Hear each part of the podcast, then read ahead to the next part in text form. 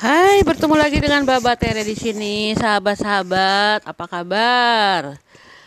Ya, sahabat-sahabat, ini adalah podcast sharing perjalanan ke Candi Barong kemarin. Ya, jadi Candi Barong itu hanya ritualnya.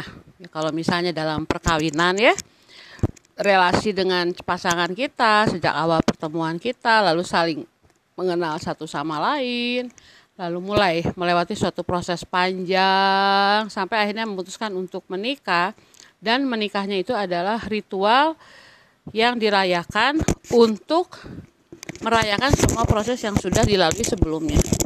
Jadi yang penting adalah prosesnya sih. Ritualnya juga penting, tapi tanpa suatu proses nggak ada pencapaian atau perayaan dari suatu relasi ya seperti itu teman-teman. Nah relasi apa sih yang dirayakan? Nah relasi yang dirayakan adalah relasi kita dengan diri kita sendiri. Jadi untuk teman-teman yang memang ikutan sejak awal ya tentang dengan melalui meditasi berkaba, melalui mantra merkaba, itu kita benar-benar seperti membangun sebuah piramid. Ya, kita membangun sebuah piramid dan dasar piramid itu adalah cakra-cakra kita. Ya kita bangun cakra kita sampai akhirnya kita sampai ke puncak piramid. Dan ternyata di atas puncak piramid ada juga cakra-cakra lain. Ya cakra aura cakra bintang cakra matahari. Sampai akhirnya kita connect dengan Bapak angkasa. Ya matahari yang membawa semua matahari sumber kehidupan kita. Sebutnya Bapak angkasa atau ayah langit atau Great Central Sun atau Sang Logos. Sementara dalam proses kita lalu mengenal ibu kita, ibu bumi. Ya kita adalah tamu di planet ini. Yang punya hajat siapa? Ibu bumi. Tapi kadang-kadang kita ngerasa kita superior, terus kita merasa kita yang paling hebat, paling tinggi martabatnya, lalu kita seenaknya terhadap anggota keluarga kita dari ibu bumi. Ya seenaknya terhadap animal, terhadap tanaman, dan lain-lain. Akibatnya apa? Koneksitas kita dengan ibu bumi terputus. Nah, masa-masa preparation untuk Candi Barong adalah masa-masa kita mengenal kembali ibu kita. Kita mengenal kembali tuan rumah atau nyonya rumah di bumi ini. Karena bumi akan tetap menjadi bumi yang naik dimensi, terus-menerus melakukan transformasi dan kita itu akan pulang ke tempat asal kita atau kita akan pindah ke planet lain, dimensi lain terus menerus menjalankan kerinduan kita untuk mengenal sang logos dari berbagai macam kemungkinan posibilitas menjadi sesuatu. Dan itu infinite ya dari makhluk bersel satu sampai semua elemen yang ada di mana semua elemen itu hanya mencari suatu bentuk yang beragam-ragam lalu hanya lari ke planet, bintang, segala macam. Ya, galaksi, asteroid, black hole, semua. Semua adalah kemungkinan mencari cara bagaimana rasanya menjadi sang logos. Ya, the one. Nah, kembali lagi ke proses selama ini. Jadi proses kita adalah kita mengenal diri kita sendiri ya. Kita mengenal ibu bumi yang pertama, lalu kita mengenal diri kita sendiri dan kita adalah cahaya. Merkaba berarti tubuh cahaya. Dan untuk mencapai tingkat kesadaran itu kita tahu bahwa kita adalah frekuensi. Dasarnya adalah kita adalah frekuensi, teman-teman ya. Kenapa? Karena kalau kita mau berhubungan dengan siapa pun juga, di dimensi mana pun juga, kita dikoneksikannya dengan frekuensi. Ya, dengan angka-angka. Ya. Misalnya nih, di grup The Wonder Indonesia, kita punya platform platformnya itu misalnya frekuensinya yang pasti di atas frekuensi 3000 di atas frekuensi 3000 itu yang di dimensi kelima ke atas ya. Yang dimensi 3 yang 0,0012 itu adalah frekuensi rendah. Nah kita bermain di frekuensi tinggi di atas frekuensi 3000 kalau di dalam hologram kita semua yang terkoneksi adalah mereka yang masuk dalam frekuensi itu. Kalau tidak masuk dalam frekuensi itu nggak connect. Ya nggak connect. Ada beberapa yang masih frekuensi 2,9 oke lah kita terima. Tapi kalau misalnya dia nggak bisa mencapai 3,00 ya dan itu Baba anggap stuck di proses itu setelah berlama-lama menjadi bagian dari grup lalu nggak ada kemajuan selalu ada dalam posisi itu lalu biasanya Baba uh, tinggalkan kenapa karena Baba harus menghormati proses dia untuk berproses dengan orang lain ya seperti itu teman-teman ya nah jadi mengenal diri kita sebagai cahaya itu adalah mengenal diri kita sebagai suatu frekuensi. Lalu kita adalah energi. Kenapa? Karena segala sesuatu yang ada di semesta ini adalah energi. Ya. Segala sesuatu adalah atom. Ya, nanti ada si turunan atom, ada molekul, ada partikel, ada plasma. Itu adalah proses pengembangan kesadaran. Tapi kita adalah energi. Kemudian yang ketiga adalah kita adalah materi. Artinya apa? Kita adalah gabungan dari energi dan frekuensi vibrasi yang lalu dia berproses sedemikian cepatnya sehingga dia menghasilkan suatu frekuensi tertentu yang nanti dia akan mematerialisasikan, mengkristalkan diri menjadi materi. Apa pun itu. Sehingga segala sesuatu yang ada di semesta ini hidup, makhluk hidup ya waktu Baba sadar itu tuh Baba wah ternyata segala sesuatu yang ada di semesta ini makhluk hidup ya. Lalu ada satu momen dalam pengalaman Baba itu tiba-tiba kursi sofa segi empat tempat Baba duduk itu tiba-tiba dia bicara Baba kaget.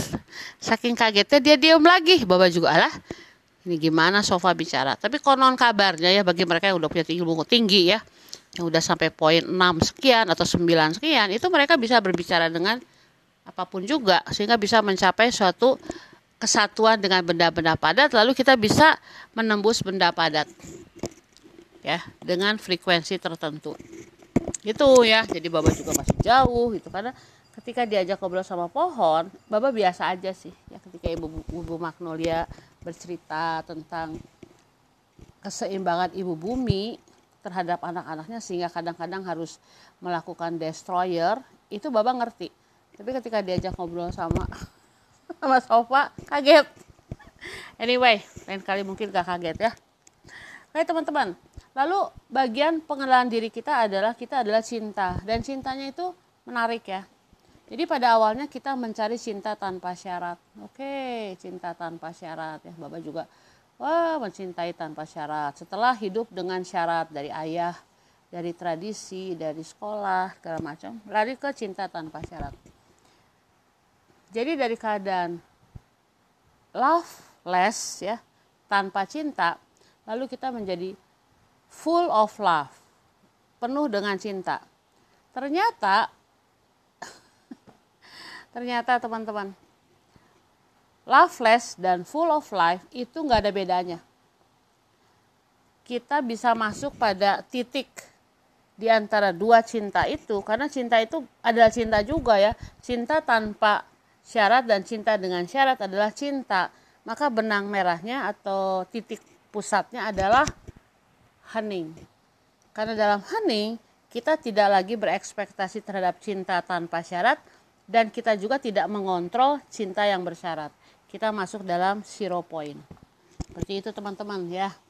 Lalu kita adalah kebijaksanaan. Ya, teman-teman kalau kita udah naik dimensi 5 itu kita masuk dalam tingkat kebijaksanaan.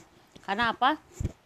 kalau level 4 dimensi 4 itu cinta di hati lalu di satu poin kita harus masuk melampaui cinta itu sendiri ke yang disebut kebijaksanaan ya jadi kalau dilihat dari dimensional dimensionalitasnya Yesus adalah dimensi ke 4 karena dia itu ketika 2000 tahun lalu di sini dia itu sebenarnya ada di dimensi keempat poin sekian mau naik ke dimensi kelima karena karena apa? Karena dimensi empat itu adalah ajarannya cinta, maka Yesus itu menyebarkan cinta. Kenapa? Karena yang diperlukan oleh bumi adalah cinta. Kita hidup dalam kubus-kubus tanpa cinta. Yesus ngajarin cinta. Cinta yang begitu besar, cinta yang begitu ingin memberi sehingga akhirnya dia mengorbankan dirinya sendiri untuk cinta itu sendiri. Karena kalau nggak ada yang ekstrim, bagaimana manusia bumi bisa belajar? Nah, tapi kalau kita masuk pada tingkat kebijaksanaan, kita masuk pada kesadaran Sang Buddha. Karena Buddha adalah budi dan budi adalah pikiran, ya, beda banget. Nah, tapi di atas semua itu kalau kita lihat Merkaba yang adalah dua segitiga yang saling bertumbuk, maka sudut atau puncak segitiga di bawah itu adalah segitiga intensi dan itu adalah yang sangat-sangat penting. Karena dengan intensi lalu kita lalu bisa masuk pada tingkat kesadaran, frekuensi, energi, materi, cinta dan kebijaksanaan. Ya, makanya waktu latihan kan saya berniat mengaktifkan merkaba saya, saya adalah intensi. Intensi itu penting banget teman-teman. Ketika kita masuk pada meditasi merkaba untuk mengaktifkan merkaba kita, itu kita katakan bahwa melalui intensi kita akan mengaktifkan merkaba kita, lalu kita sebut equal speed, kita sebutkan angka 3421 dan angka 910 itu dengan kekuatan intensi. Pada saat kita akan masuk ke dalam hati kita, lalu kita benar-benar akan masuk ke dalam hati kita secara fisik karena di belakang hati itu ada portal, itu kita masuknya melalui intensi, ya. Intensi baru kita masuk ke dalam. Dan kalau kita mau melakukan law of manifestation atau struktur kuantum, yang kita lakukan itu bukan berdasarkan cinta atau kebijaksanaan, tapi berdasarkan intensi. Nah, selama enam bulan ini kita belajar sama-sama, lalu kita meditasi ya, meditasi. Setiap minggu kita meditasi, pelan-pelan kita building up konsep kita tentang meditasi dari cakra uh, cara bawah ke cakra atas, dari cakra atas ke cakra bawah, lalu kita buat segitiga tetrahedron, lalu kita mengaktifkan. Ya, nah itu kalau dilakukan 10.000 kali kita bisa menjadi merkaba beneran ya, tapi kita latihan sekarang, latihan, latihan, latihan. Oke, teman-teman. Nah, dengan semua yang kita lakukan termasuk teman-teman ya termasuk lalu kita menyembuhkan inner healing kita melakukan inner healing karena kalau kita mau jadi merkaba itu kita nggak kita harus menyembuhkan inner healing kita ketemu inner child kita gitu ya jadi itu dilakukan melalui menyembuhkan cakra satu demi satu lalu akhirnya karena Bapak berorientasi ke Stefano Matias De Stefano karena Bapak anggap dia orang yang kredibel untuk menjadi pembimbing seluruh uh, dia nggak menyebut dirinya light worker apa starseed ya dia nggak peduli dengan itu. Karena dia bilang kalau light worker itu berarti kita terlalu sombong menjadi cahaya kita lupa bahwa kita harus hidup dalam kegelapan. Dan itu adalah pengalaman Baba ketika Baba melakukan aktivasi Merkaba di Candi Barong. Bapak dihadapkan pada situasi seperti itu dan itu menarik banget. Nanti Bapak cerita. Kalau ingat oke okay, nah sekarang karena Baba berorientasi ke Matias de Stefanus dan Matias itu bisa mengumpulkan puluhan ribu orang di seluruh dunia dan beliau selama satu tahun terakhir selama 370 hari itu memberikan bimbingan bagi semua yang ngikutin dia termasuk Baba kita belajar sedikit-sedikit tiap malam dia bicara satu satu jam setengah kadang-kadang ya dia bicara banyak hal tentang 360 aspek derajat yang harus kita sadari ketika kita itu ingin mencapai tingkat kesadaran kosmologi. Nah, dari 360 derajat itu dibagi menjadi 360 hari, lalu dibagi menjadi 12 rasi bintang karena orientasinya adalah ke petunjuk dari semesta ketika kita lahir. Nah, 12 rasi bintang itu juga kita pelajari sedikit-sedikit ya bagi yang ngikutin mantra I am uh, misalnya cakra mahkota main cakra ke tujuh misalnya ya cakra ke tujuh atau jangan ketujuh lah misalnya cakra pineal gland lalu Baba mengatakan I am adalah the consciousness planetary Jadi, saya adalah kesadaran planet ya kita lakukan sehari aja nah dengan hal-hal seperti itu teman-teman kita menjadi sadar segala aspek dalam kehidupan kita. Nah, lalu puncaknya adalah kita mencari atau membuat birth chart. Karena birth chart itu adalah uh, fingerprints kita atau sidik jari kita ketika kita lahir di dunia ini.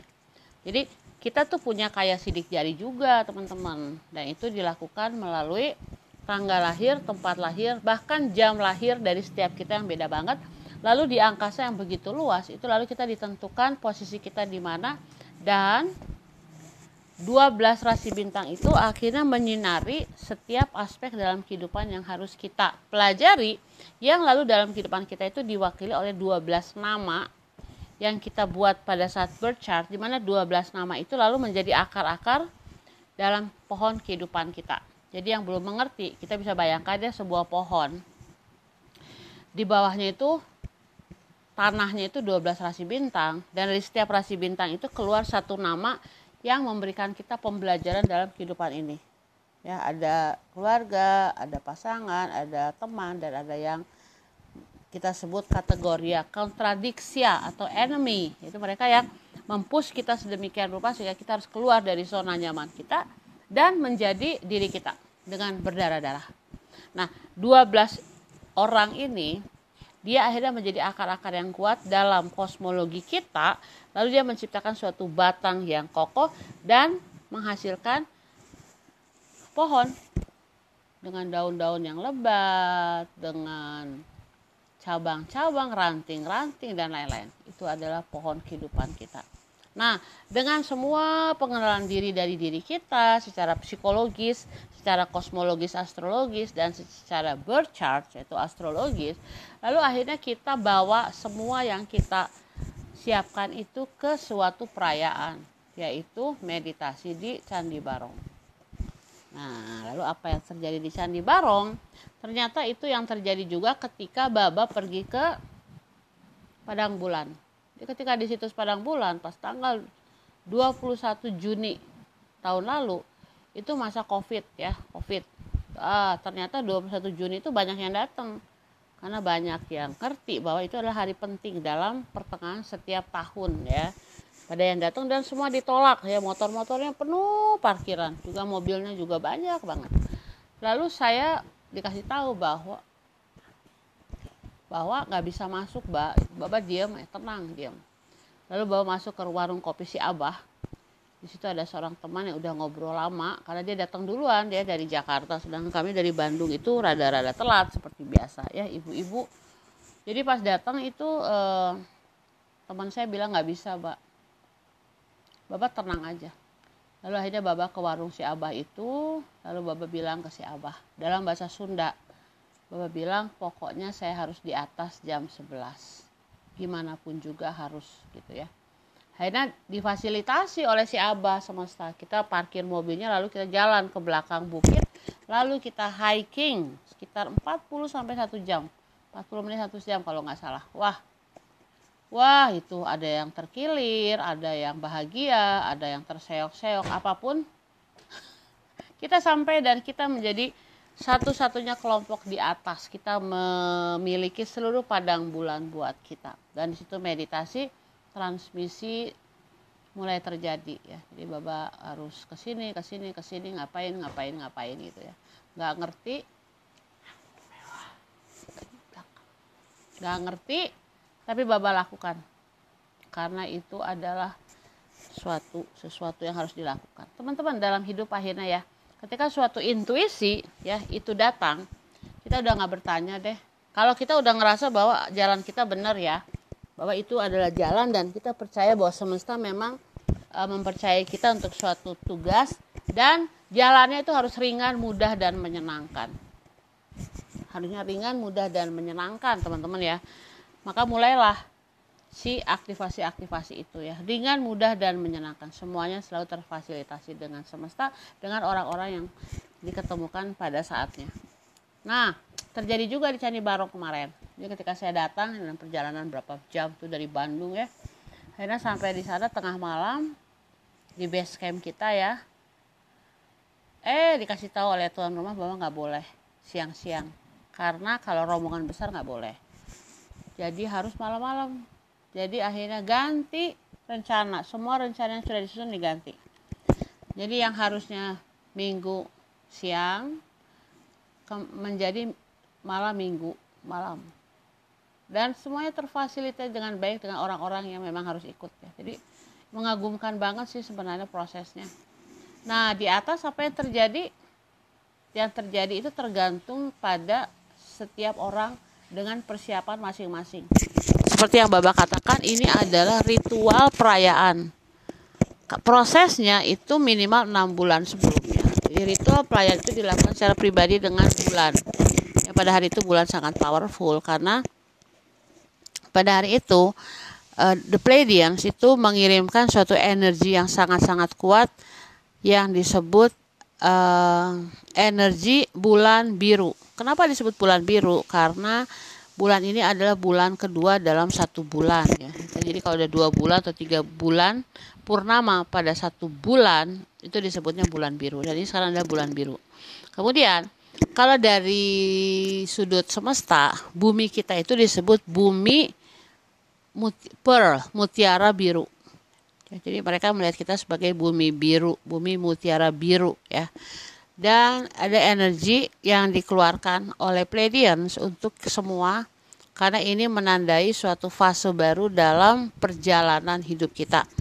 Kalau 360 hari itu kita mengenal I am, ya, siapa itu I am, siapa itu saya di hadapan semesta, di hadapan diri kita, maka kita akan melakukan perjalanan yang disebut perjalanan naga, the path of dragon. Nah, dalam waktu 7-8 bulan ke depan itu kita akan mengaktifasikan naga atau kundali di bumi. Ya, ada di beberapa daerah. Nah, di Indonesia itu adanya di Danau Toba. Jadi nanti akan dilakukan aktivasi Danau Toba Kundalini pada tanggal 1 Januari. Ya, itu yang in charge itu orang orangnya Matias De Stefano ya Baba juga akan cuma datang menghadiri berbagi energi. Oke jadi kembali lagi ke Candi Barong ya. Kenapa Candi Barong? Karena disuruhnya Candi Barong. Dan Candi Barong itu Barong itu dalam bahasa Bali artinya singa.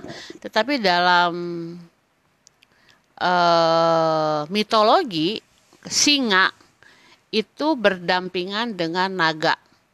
Jadi kalau singa itu teman-teman itu adalah binatang yang ada yang kita lihat secara fisik ya. Dia mematerialisasikan uh, spirit hewan yang kita sebut singa, lion ya. Sementara naga itu adalah gabungan dari banyak sekali semua, semua bahkan semua spirit-spirit animal termasuk uh, zaman dinosaurus lalu semua spirit-spirit animal yang udah nggak ada lagi di kehidupan sekarang ini banyak sekali binatang yang sudah punah karena mereka tidak bisa berevolusi di bumi. Bumi juga masih dalam tahap yang baru, jadi bumi juga belum bisa masih beradaptasi menjadi bumi, maka banyak sekali binatang-binatang dan manusia-manusia juga yang akhirnya dalam proses evolusi itu gagal, ya. Jadi singa barong dan dragon itu merupakan satu kesatuan. Yang satu fisik, yang satu metafisik. Nah, teman-teman, yang kita ketemukan dalam meditasi kita atau intuisi kita atau uh, yang mendatangi kita dalam bentuk dragon itu dia adalah metafisik. Jadi nggak ada ya yang disebut naga punya uh, tubuh kecuali dragonfly yaitu dalam bahasa Indonesia apa ya dragonfly capung belalang ya nggak ada. Dia adalah mitologis tapi dia benar-benar berdasarkan fakta yang disebut fakta yang ada di metafisik. Meta artinya di luar fisik tubuh di luar tubuh. Nah jadi di Candi Barong itu adalah kita men-celebrate ke dragonan kita karena kita adalah gabungan dari semua spirit dan semua spirit itu adalah spirit animal karena kita adalah bagian dari animal kingdom ya. Bahkan kalau nggak salah Plato ya Plato mengatakan bahwa kita adalah makhluk binatang rasional. Jadi kalau yang masih angkuh dan belum rendah hati marah. Loh enak banget kita binatang. Kok kita disamakan sama kutu? Ya terserah mau marah mau enggak ya itu bukan uh, hak saya untuk melarang marah oke jadi menurut pandangan Baba bahwa kita adalah bagian dari animal kingdom. Bahkan mungkin kita adalah backdrop backdrop animal dari animal kingdom. Karena kita tuh sebenarnya harus belajar banyak dari animal ya. Kita harus banyak belajar dari animal. Oke teman-teman. Jadi baron menarik ya. Baron menarik. Di malam itu kita cuma meditasi. Dan karena banyak yang nggak ikutan meditasi jadi energinya nggak dapat eh, tapi ritualnya dapat. Lalu kita berbaring di atas candi menatap langit dan bulannya nggak muncul. Which is okay. Pembelajarannya adalah walaupun bulannya tidak terlihat oleh mata fisik kita tapi kita tahu bulannya ada. Nah itu adalah modal utama dalam struktur kuantum. Dalam struktur kuantum kita harus tahu bahwa kita believe to see percaya untuk melihat ya. Selama ini kita dimanipulasi kita harus melihat baru percaya. Jadi kalau kita nggak melihat uangnya banyak di depan kita kita nggak percaya kita punya kelimpahan. Tapi di dalam struktur kuantum kita percaya bahwa ada sejumlah uang yang begitu besar yang kita butuhkan lalu kita tinggal melihat dengan mata batin maka dia akan muncul dalam mata fisik. Ya teman-teman ya. Jadi barong itu adalah suatu puncak ritual ritual. Kita pakai ritual menghadap empat mata angin untuk menghormati setiap penjuru mata angin. Lalu kita punya ritual seorang sahabat yang diminta menjadi pendeta syaman. Ya pendeta syaman itu dia datang memberkahi, memberkahi kita dengan kelimpahan. Dengan padi. Padi yang udah menguning kan sumber kelimpahan kita diberkati satu-satu oleh pendeta perempuan. Kenapa karena ini adalah zaman perempuan teman-teman. Feminim yang akan bermain.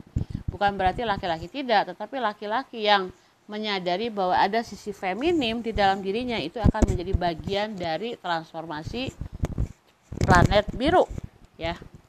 Planet biru. Nah jadi setelah itu kita pulang ngobrol. Besoknya itu ada gelombang lain yang datang. Jadi Baba begitu yakin ya. Itu orangnya yakin sih ya jadi kita pergi siang-siang ke sana. Yakin bahwa akan masuk gitu. Dan benar jadi ada yang membuka jalan lalu akhirnya kita bisa masuk juga lewat pinggir ya. Nggak ada masalah teman-teman. Kalau itu sejak awal Baba udah yakin sih. Pokoknya Baba yakin bakal masuk aja ke Candi Barong ya. Nah jadi difasilitasi oleh beberapa sahabat yang memang minta izin lah negosiasi lah ngasih donasi lah. Bagus ya. Mereka adalah yang terkoneksi jadi meditasi kedua di siang hari itu juga nggak bisa dibikin zoom atau nggak bisa direkam. Karena nggak memungkinkan aja. Saya minta maaf pak teman-teman yang pengen ngezoom nggak bisa. Itu tuh kayak gini kayak energi itu hanya bisa dirasakan oleh yang hadir secara fisik. Jadi teman-teman yang lain itu diminta ya oleh itu tuh bapak minta untuk melalui admin untuk melakukannya secara pribadi nggak ada pilihan lain teman-teman. Bapak minta maaf banget. Oke nah sekarang.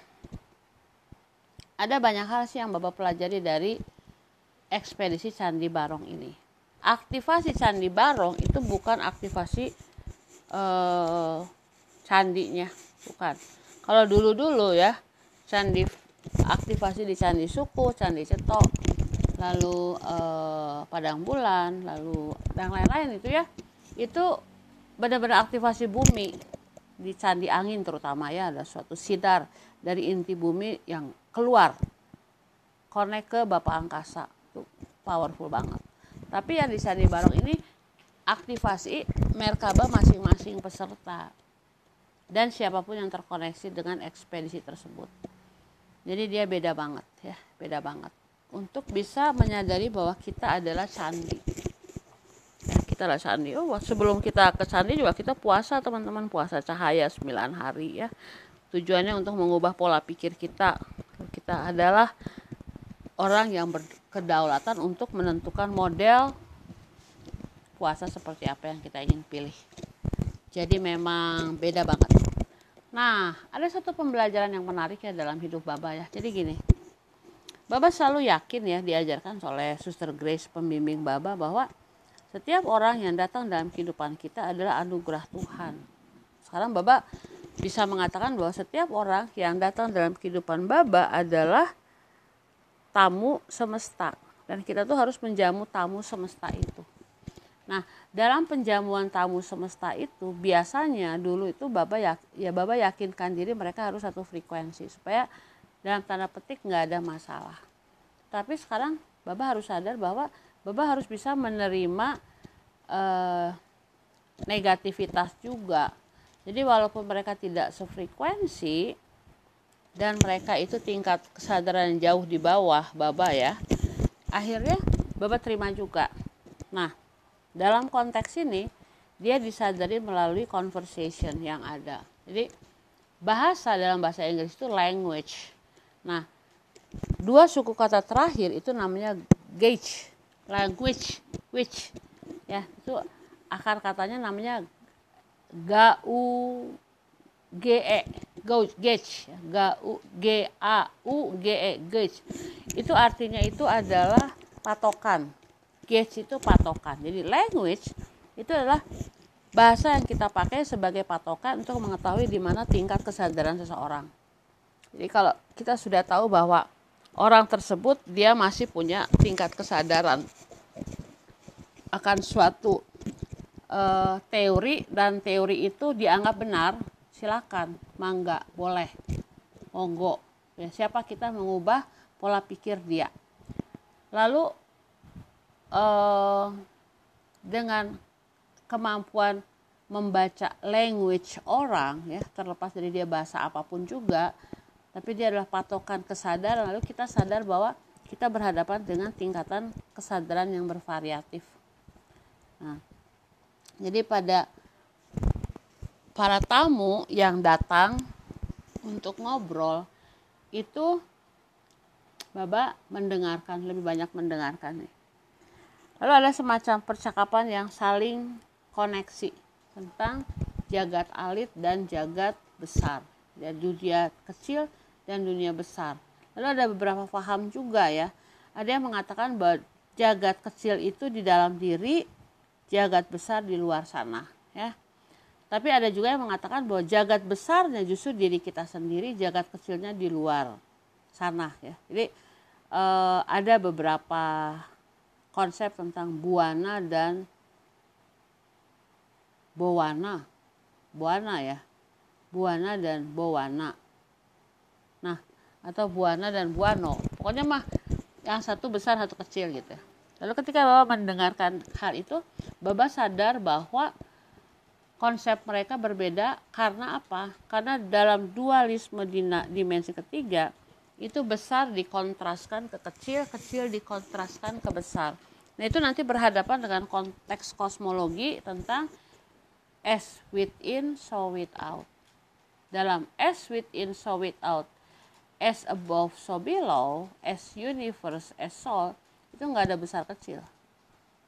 Dia sama dan sebangun kita pakainya S so S titik-titik so S. Universe S so S. Above so below. S within so without ya. Jadi dia equal. Dia persama lalu ada lagi tambahan yaitu S big so small. Itu bapak jarang bicara soal itu tapi ada di uh, tablet Sumeria ada ajaran. As big so small. Seperti besar juga kecil. Jadi dia tidak mengkontradiktifkan besar atau kecil. Besar uh, apa luar atau dalam. Tinggi atau rendah di atas atau di bawah. Semesta atau jiwa. Tetapi dia itu sama ya. Semua yang ada di luar sana ada di dalam diri kita juga. Segala sesuatu yang ada di luar sana itu ada di dalam diri kita tergantung kita punya tingkat kesadaran yang mana. Apakah melalui pineal gland kita bisa melihat angkasa itu atau melalui hati. Jadi kalau nanti teman-teman masuk dalam meditasi hati lalu masuk dari titik yang ada di belakang hati kita secara fisik itu, lalu kita masuk pada suatu semesta yang sangat-sangat luas, seluas yang ada di luar.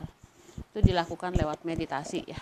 Nah, jadi hari itu Bapak sadar bahwa ternyata begitu.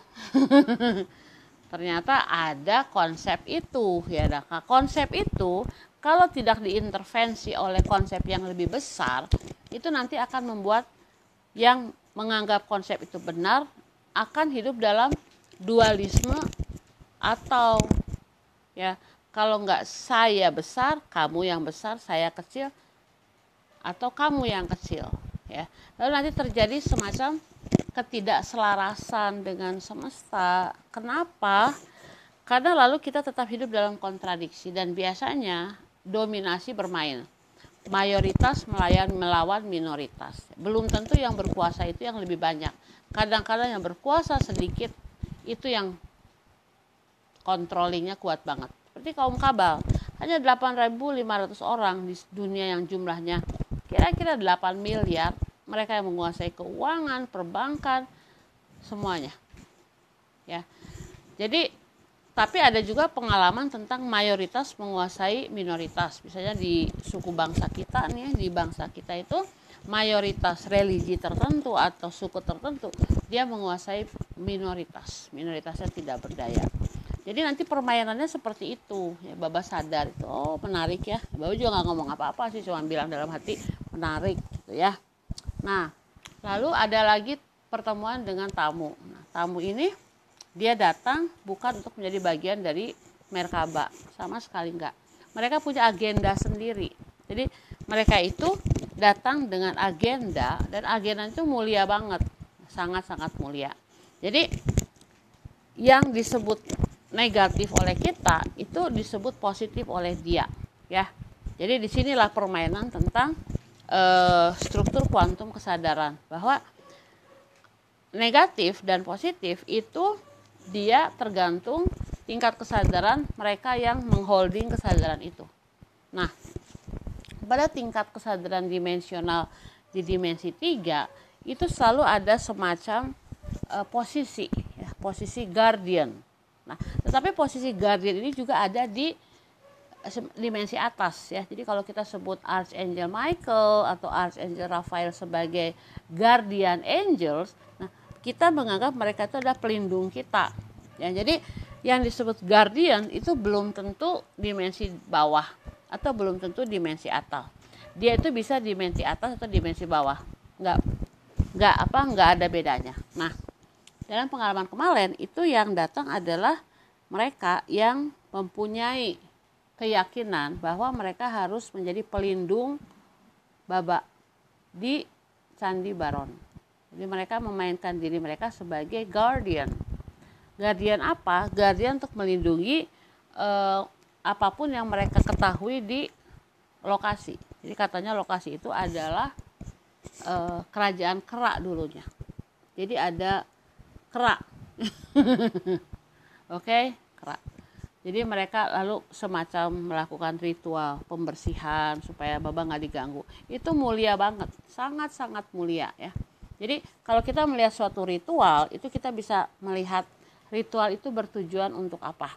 Karena semalam itu kami juga melakukan ritual, yaitu ritual di mana Dewi Kelimpahan, ya syaman pendeta perempuan itu dengan pakaian putri cantik, ya dengan hiasan mahkota bunga, itu memberkati kita dengan uh, beras, bukan beras sih, padi ya, padi yang sudah menguning.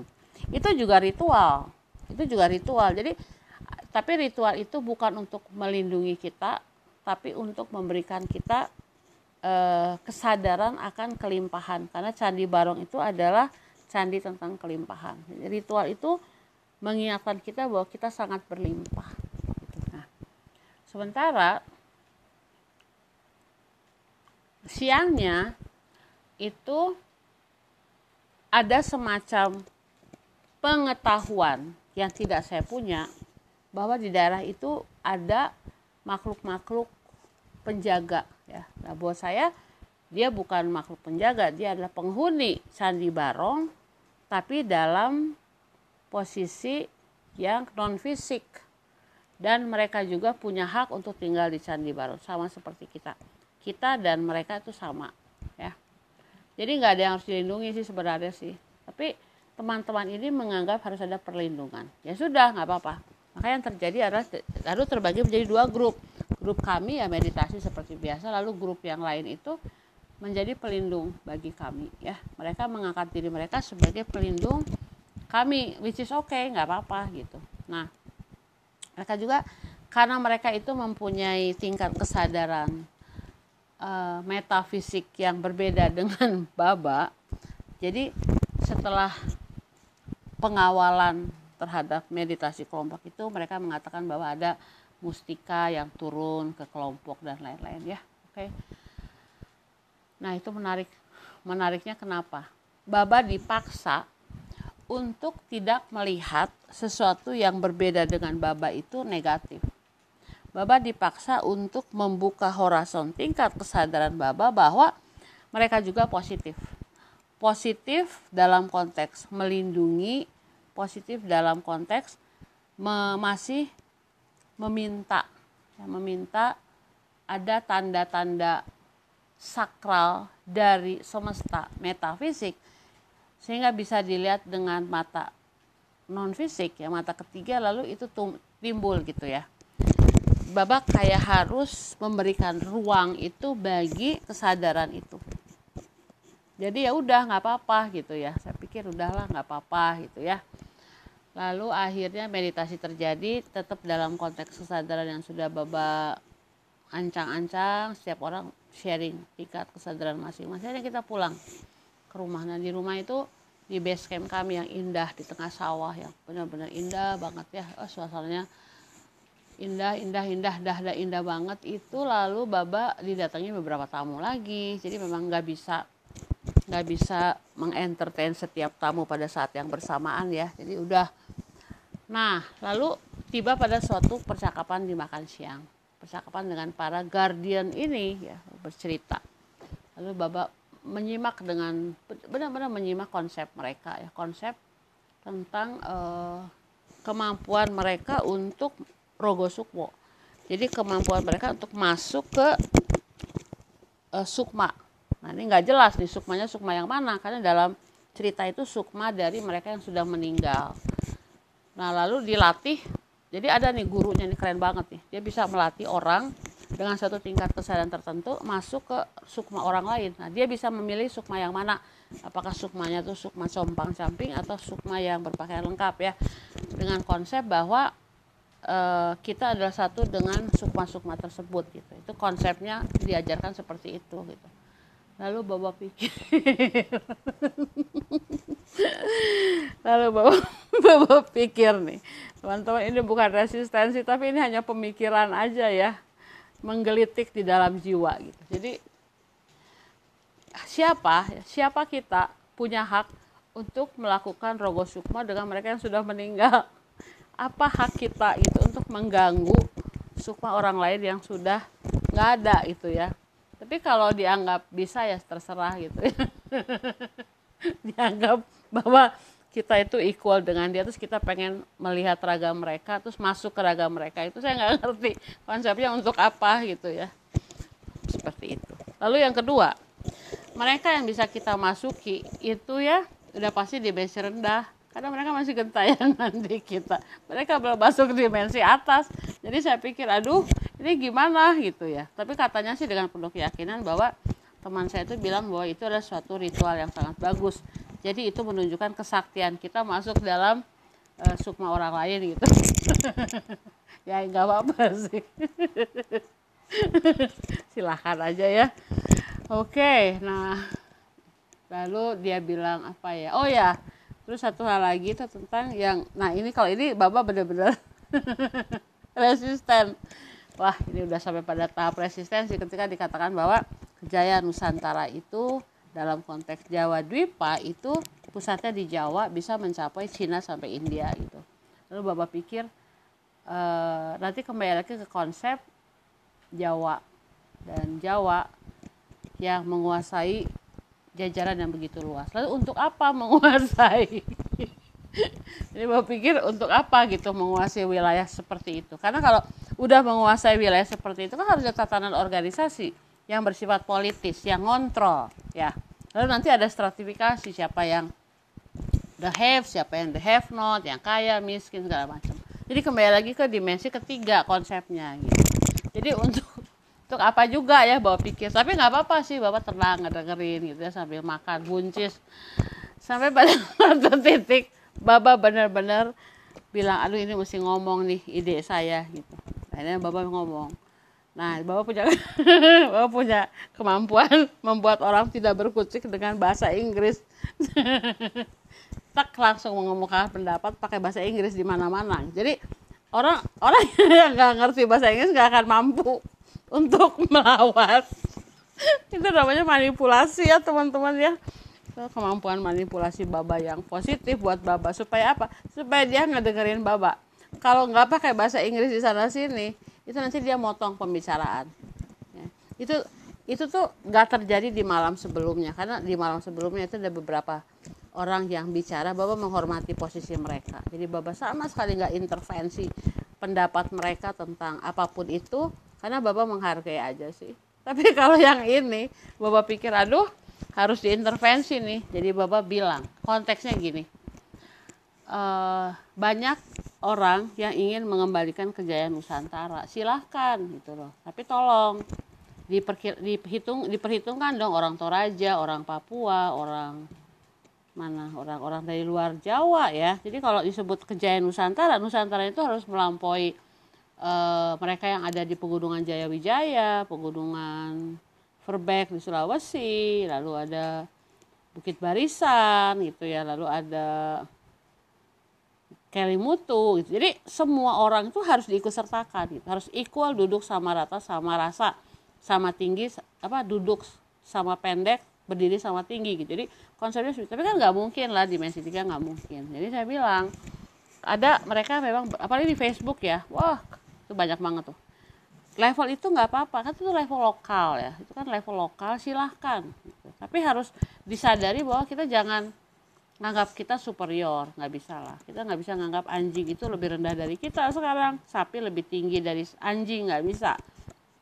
Nah kalau konsep itu aja belum diubah bagaimana kita bisa melihat semua orang sama-sama kita? Yang compang camping itu sama dengan yang berpakaian jas. Sama sama gitu loh. Ya cuman ekspresi luarnya compang camping ya. Sedangkan yang satu lagi berjas. Tapi nggak ada bedanya karena esensi energi mereka kan sama jiwanya gitu. Kalau belum sampai pada tahap itu jangan ngomongin kejayaan Nusantara karena kita akan kembali melak, me, apa, mengalami eh, apa ya kehidupan kayak kita sekarang. Stratifikasi sosial dengan kontrol yang sangat kuat secara politis keuangan gitu ya Nah lalu aja saya bilang bahwa itu level itu silahkan. Kalau saya nggak level itu lagi, saya udah level global. Jadi dalam level global itu saya connect dengan banyak sekali orang yang ada di seluruh dunia yang punya intensi sama. Koneksitas antara ibu bumi, bapak angkasa, lalu kita sama-sama di hari bulan pertama itu ingin connect. Jejaring kita jejaring global ya. Bahwa saya sama orang Amerika itu sama dengan saya seperti orang Afrika. Nggak ada bedanya. Saya sama orang Jepang itu sama dengan saya dengan orang misalnya orang Rusia atau orang Inggris ya. Kita harus bisa berhadapan dengan orang terlepas dari orang itu kulit putih, kulit hitam, rambut keriting, rambut lurus, pendek, tinggi, kaya, raya, agama apa pun juga. Kita mesti tahu bahwa kita adalah sama. Dan yang menyatukan kita adalah energi, frekuensi, materi, wisdom, love, intensi gitu ya sampai situ. Nah nanti kalau udah sampai global itu lalu kita naik lagi ke level kosmologi bahwa saya itu sama dengan mereka yang dari dimensi 5 ya yang ingin membantu kita. Tapi kita bukan orang yang berutang budi pada mereka yang ingin bantu kita. Saya dengan mereka sama. Nah itu posisinya sama dengan dimensi 3 ketika kita itu berhadapan dengan sukma orang yang sudah meninggal. Terus kita ingin masuk ke sukma itu. Itu yang kita lakukan itu sama dan sebangun dengan ada orang dimensi 5 jalur pelayanan negatif. Yang nggak punya raga lalu dia ingin masuk ke raga kita. Itu terjadi teman-teman. Lalu dengan kedaulatan yang sama itu kita bilang kamu nggak boleh masuk raga saya karena ini raga saya. Ya jadi ini adalah pencerahan beberapa bulan terakhir ini ketika saya tuh didatangi oleh makhluk biru. Kenapa biru ya? Mungkin karena blue biru ya. Lalu makhluk itu dia memperkenalkan diri namanya Talita. Talita. Nah, beda dengan yang dulu-dulu. Kalau yang dulu itu saya seneng banget ketemu higher self saya gitu ya. Karena saya ngerasa wah ini familiar banget nih frekuensinya. Jadi saya percaya mereka higher self saya tapi yang ini beda banget. Nah saya punya otoritas untuk mengatakan pada Talita dan juga ada satu lagi namanya Aaron. Jadi mereka berdua kayaknya hadir dalam kehidupan saya untuk membantu saya banget sih. Bahwa saya boleh enggak saya memperbolehkan mereka connect dengan saya tetapi saya tetap mempunyai kedaulatan atas tubuh dan pikiran saya. Mereka nggak boleh intervensi nggak boleh saya enaknya intervensi seperti itu ya. E, lalu mereka menghormati itu. Jadi e, Talita dan Aaron itu memang udah hadir beberapa minggu ini ya. Pernah sampai suatu saat itu saya minta apa gitu. Duh lupa. Kalau nggak dicatat lupa deh. Dan mereka ngasih. Mereka ngasih banget jadi nah itu adalah lalu saya yakin mereka adalah makhluk-makhluk dimensi atas dengan jalur pelayanan positif karena apa karena mereka nggak maksa masuk ke tubuh kita kalau jalur pelayanan mereka negatif itu mereka nggak punya tubuh mereka masuk ke tubuh kita supaya mempergunakan tubuh kita ya hati-hati banget. Nah, dalam pelayanan kita, kita juga harus hati-hati. Walaupun kita punya pelayanan positif, tapi kalau kita lalu mengontrol, menjajah, walaupun yang dijajah itu adalah jiwa atau sukma dari mereka yang gentayangan, itu juga jalur pelayanan negatif. Itu yang dilakukan oleh para leluhur yang lalu masuk menitis ke anak cucunya, lalu mengkontrol raga anak cucunya untuk memaksakan kehendak mereka yang dulu mereka tidak laksanakan ketika mereka masih hidup. Lalu apa bedanya ya? Lalu apa bedanya dengan makhluk dimensi atas yang nggak punya raga, yang melalui jalur pelayanan negatif masuk ke diri kita untuk menguasai kita. Kita harus hati-hati banget teman-teman. Harus punya kita harus punya kedaulatan dengan tingkat kesadaran yang penuh bahwa memang kita semua oneness. Tapi dalam permainan oneness itu kita harus bisa memilah-milah, mengolah.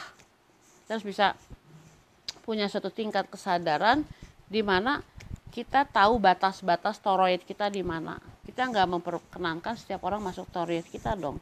Kalau kita tidak punya batas toroid yang kuat, maka ketika kita mati, itu ya teman-teman kita nggak menghormati toroid orang, kita masuk aja ke jiwa, ke badan mereka yang masih hidup. Karena kita belum melepaskan, nggak mau kita, belum mau melepaskan kekemelekatan kita terhadap fisik. Nah, itu nanti akan menjadi suatu jalur jalur apa ya jalur transformasi yang gagal total dalam reinkarnasi berikutnya terhambat itu teman-teman. Tapi itu bukan salah. Tapi dengan suatu tingkat kesadaran kan kita bisa mempercepat suatu proses transformasi. Dan itu sekarang dilakukan oleh bumi. Jadi teman-teman itu pengalaman Candi Baron ya suatu suatu buat saya itu suatu uh, kayak saya diketok kepala saya halus sih bahwa hey ini ada orang-orang yang udah yang juga mereka menganggap diri mereka positif tapi kamu harus melihat ini dari sudut kebijaksanaan lebih luas. Jadi nggak menghakimi nggak menilai tapi bisa tertawa lah terhadap diri sendiri. Tertawa. Terus bisa tertawa banyak. Teman-teman tertawa yang banyak. Tertawa yang banyak. Oke teman-teman. Jadi itu adalah yang harus ingin yang bapak ingin sampaikan. Satu hal lagi. Jadi ibu bumi itu seperti anak remaja yang menikah muda dan akan melahirkan. Dan dalam proses melahirkan memang ada sesar sekarang. Tapi sesar itu tetap aja sih memberikan penderitaan ya. Saya sesar jadi saya tahu. Pada saat kelahirannya nggak sakit tapi sesudah kelahirannya bo sama aja ya. Ketika di bersihkan rahimnya dimasukin tangan ke dalam diuyak-uyak rahim kita supaya nggak ada kotoran yang tersisa itu sakitnya kayak apa. Dan kita nggak dibius teman-teman itu masuk seenaknya ke dalam rahim lewat vagina itu sakit juga gitu ya jadi setiap kelahiran itu akan memberikan penderitaan ya, setiap kelahiran penderitaan bukan saja buat perempuan tapi buat laki-laki juga ketika dia ingin melahirkan suatu konsep baru, usaha baru, pola pikir baru dan lain-lain, dia juga harus melakukan suatu penderitaan ya, apa pun itu. Nah, bumi sedang seperti itu. Jadi kita nggak bisa menolak penderitaan sih. Ya, nah buat saya penderitaan adalah apa? Penderitaan adalah melihat kembali apakah pola-pola pikir yang sekarang saya miliki itu masih cocok apa enggak. Lalu melepaskan kemelekatan terhadap pola pikir itu ya. Jadi saya udah berubah. Misalnya kalau ada orang yang saya anggap dulu negatif dengan dimensi rendah ternyata dalam pola pikir mereka mereka positif dan yakin benar apa yang mereka lakukan benar ya kita jangan kita bi bisa memilih antara menerima sampai pada tahap tertentu lalu kita boleh resisten terhadap tahap tertentu. Tapi resistensinya bukan terhadap mereka. Resistensinya terhadap pola pikir kita yang harus kita perbaharui dan kadang-kadang kita nggak mau memperbaharuinya karena nggak nyaman banget ya mempunyai pola pikir baru gitu. Nah mungkin itu yang harus saya pelajari ya. Nah sekarang apa yang teman-teman pelajari dalam hidup? Dari momen ke momen itu yang menarik. Oke teman-teman sampai sini saja sharingnya. Semoga bermanfaat. Namaste bertemu lagi di ekspedisi berikutnya